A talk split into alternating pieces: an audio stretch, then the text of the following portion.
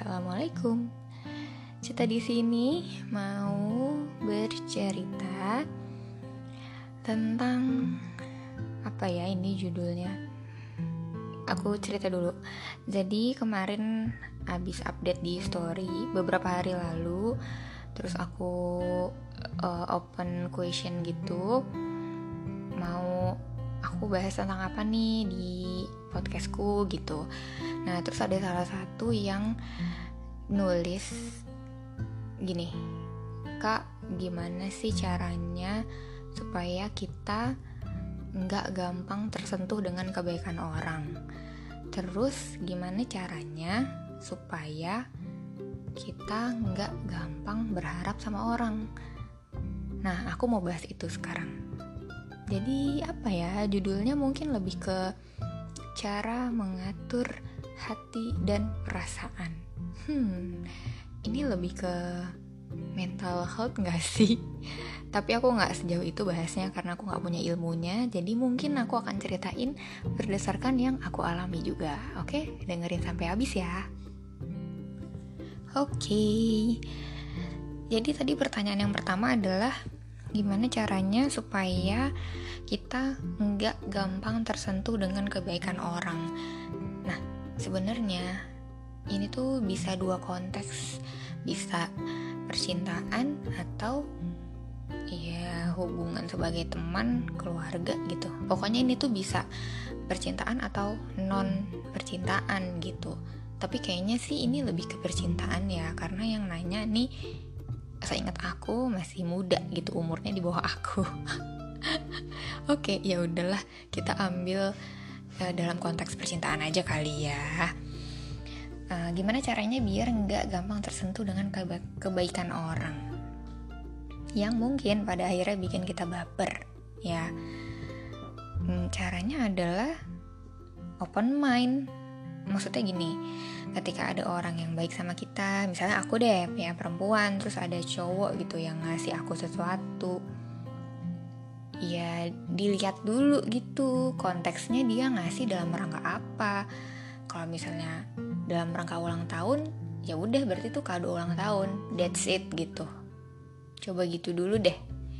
Terus kalau misalnya karena lagi lulus lulusan ya udah karena hadiah graduation gitu udah gitu aja gitu. Karena kan gini kalau misalnya kita ulang tahun kan yang ngasih nggak cuma dia dong bener gak jadi itu biasa ya kan? Terus yang kedua kalau misalnya kita lulus lulusan juga sama yang ngasih nggak cuma dia doang. Teman-teman kita juga pasti ngasih. Bener gak sih?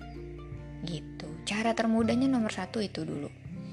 Nah yang kedua kalau ternyata lagi nggak ada momen apa-apa lagi nggak ulang tahun lagi nggak lulus lulusan lagi nggak ada achievement apa apa terus tiba-tiba dia ngasih. Nah itu perlu dipertanyakan tuh. Dan kalau aku ya tipe orang yang tanya aja langsung nih dalam rangka apa ngasih? Gitu. Biar nggak bertanya-tanya terus dan biar nggak kepedean juga. Nah kalau misalnya dia bilang nggak apa-apa mau ngasih aja biar semangat kerjanya gitu. Ya udah terima dulu abis itu cari tahu sendiri kenapa dia sampai mau ngasih kayak gitu. Jadi jangan terburu-buru ngerasa kepedean gitu loh paham kan? Kepoin aja dulu. Nah biasanya kan cewek-cewek jago nih kalau soal kepo mengkepo. Kepoin dulu cari tahu gitu. Nah terus kalau misalnya udah terlanjur baper nih sebenarnya aku agak sebel ya kata-kata baper karena kesannya tuh negatif banget. Ganti pakai kata apa ya? Ya misalnya hmm, kita udah mulai terenyuh nih gitu ya dengan sesuatu yang dia kasih. Misalnya ternyata barang mahal atau barang yang memang kita lagi pengen banget. Nah terus kita udah terlalu kayak hmm kayaknya dia ada something nih gitu. Coba cari tahu deh tentang kehidupan percintaannya dia jangan sampai nih teman-teman kita udah terlalu udah terlanjur menaruh hati tapi ternyata dia punya pasangan ya kan? Atau ternyata dia gebetannya banyak. Bukan gebetan sih. Hmm, kayaknya cowok kayaknya kalau gebetan banyak biasa ya.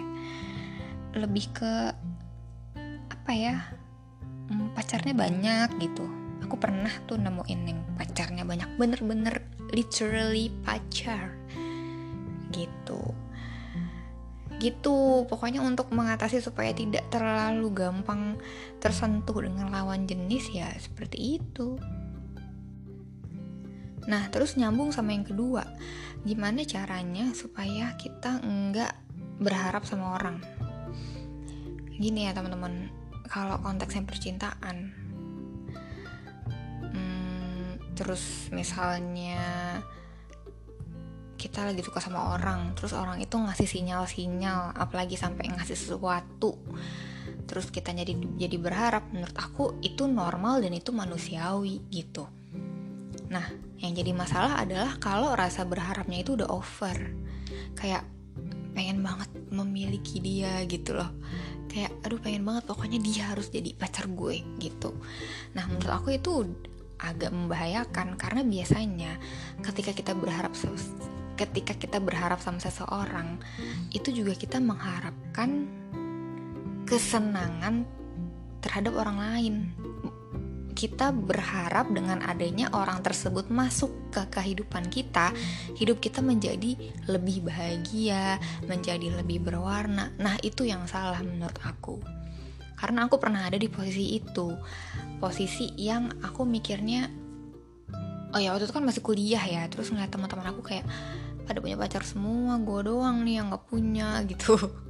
Terus adalah teman aku yang habis kelas terus berjalan sama pacarnya terus kayak kalau lagi ulang tahun dikasih kado terus kalau lagi enif suka diajak makan terus kayak aku hmm, kok enak banget ya ini hidup gue yang lagi susah begini harus berjuang sendiri gak ada yang bikin gue bahagia gitu kan mikirnya nah alhasil ketika ada satu dua orang yang datang tuh kayak paham gak sih?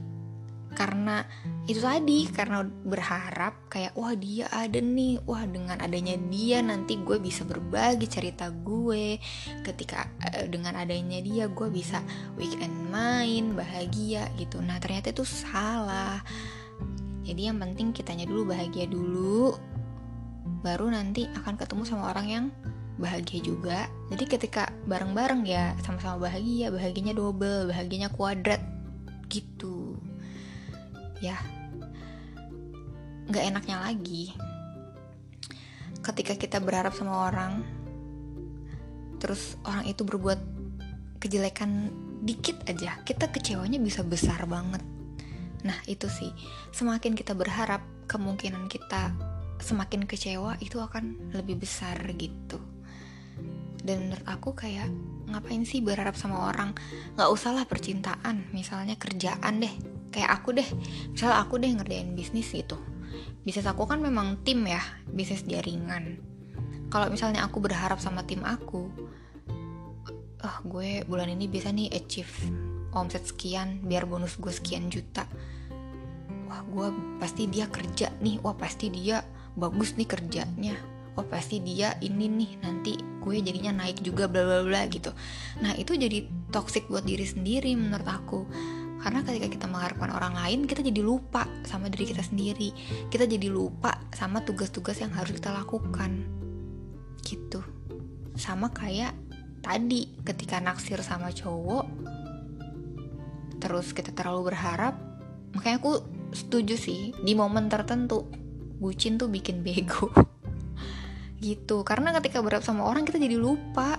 Lupa sama diri kita sendiri. Lupa kalau kita punya kerjaan. Teman-teman yang kuliah jadi lupa kalau masih ada tugas kuliah.